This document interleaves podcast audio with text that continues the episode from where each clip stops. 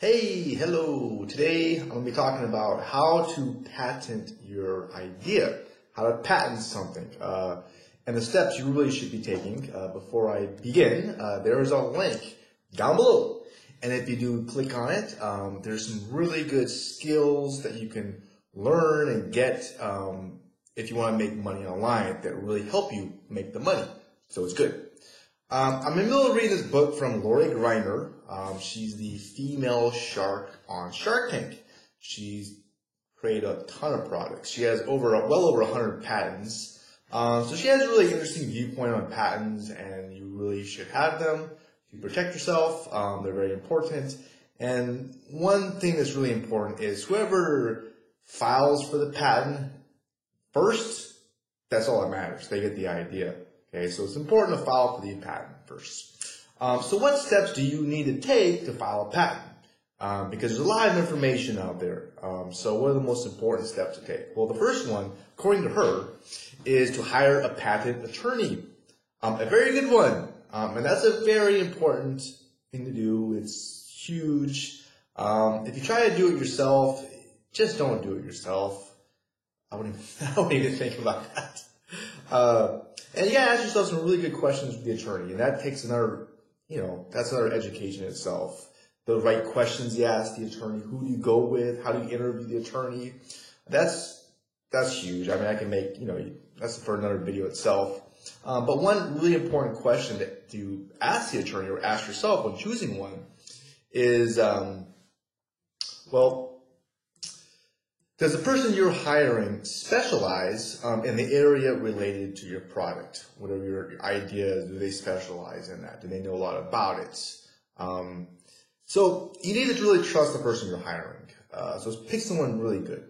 Uh, step number two, moving on, is have your patent attorney do a search uh, to believe your ideal your idea is eligible for a patent. You know, maybe something already exists out there, right? Or maybe it's something so simple that you don't really, you can't get a patent for it.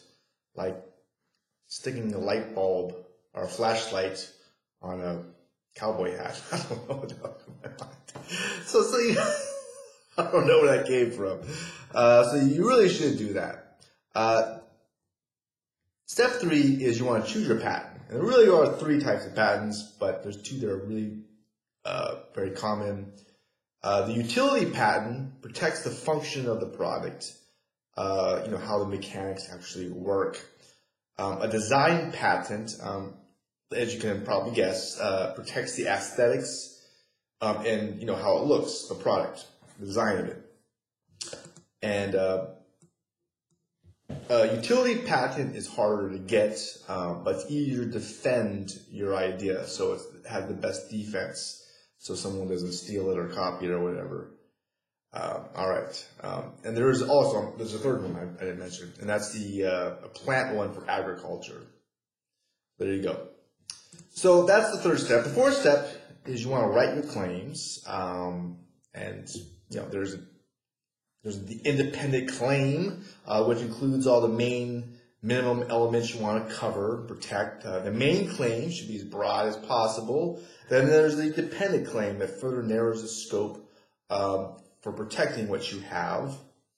Um, and once your patent is filed, it gets stamped uh, and dated, and then you wait. You wait a while. Uh, at any given time, there's a backlog of over well over 600,000 patent applications ahead of yours. So you got a big wait. Um, at this stage, your product is patent pending, and that's what that means when you when you hear that, like on Shark Tank, someone like, oh, it's patent protect, patent pending. That's what it means. Uh, step five is is you have to review your office action, and what that means is uh, they it may not get accepted.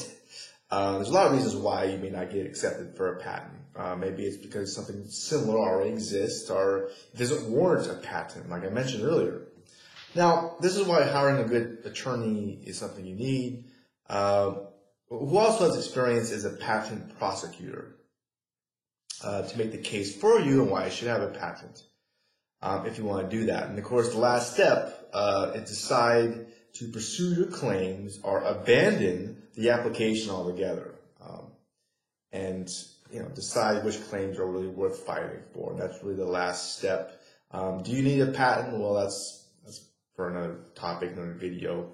There's so much to it. I don't want to blow your head up information, but um, I hope I gave you just an idea on what patent steps are. Maybe I hope you got some value from this video or, or audio if you listen to a podcast. Um, if you did, you know, I really would appreciate a thumbs up.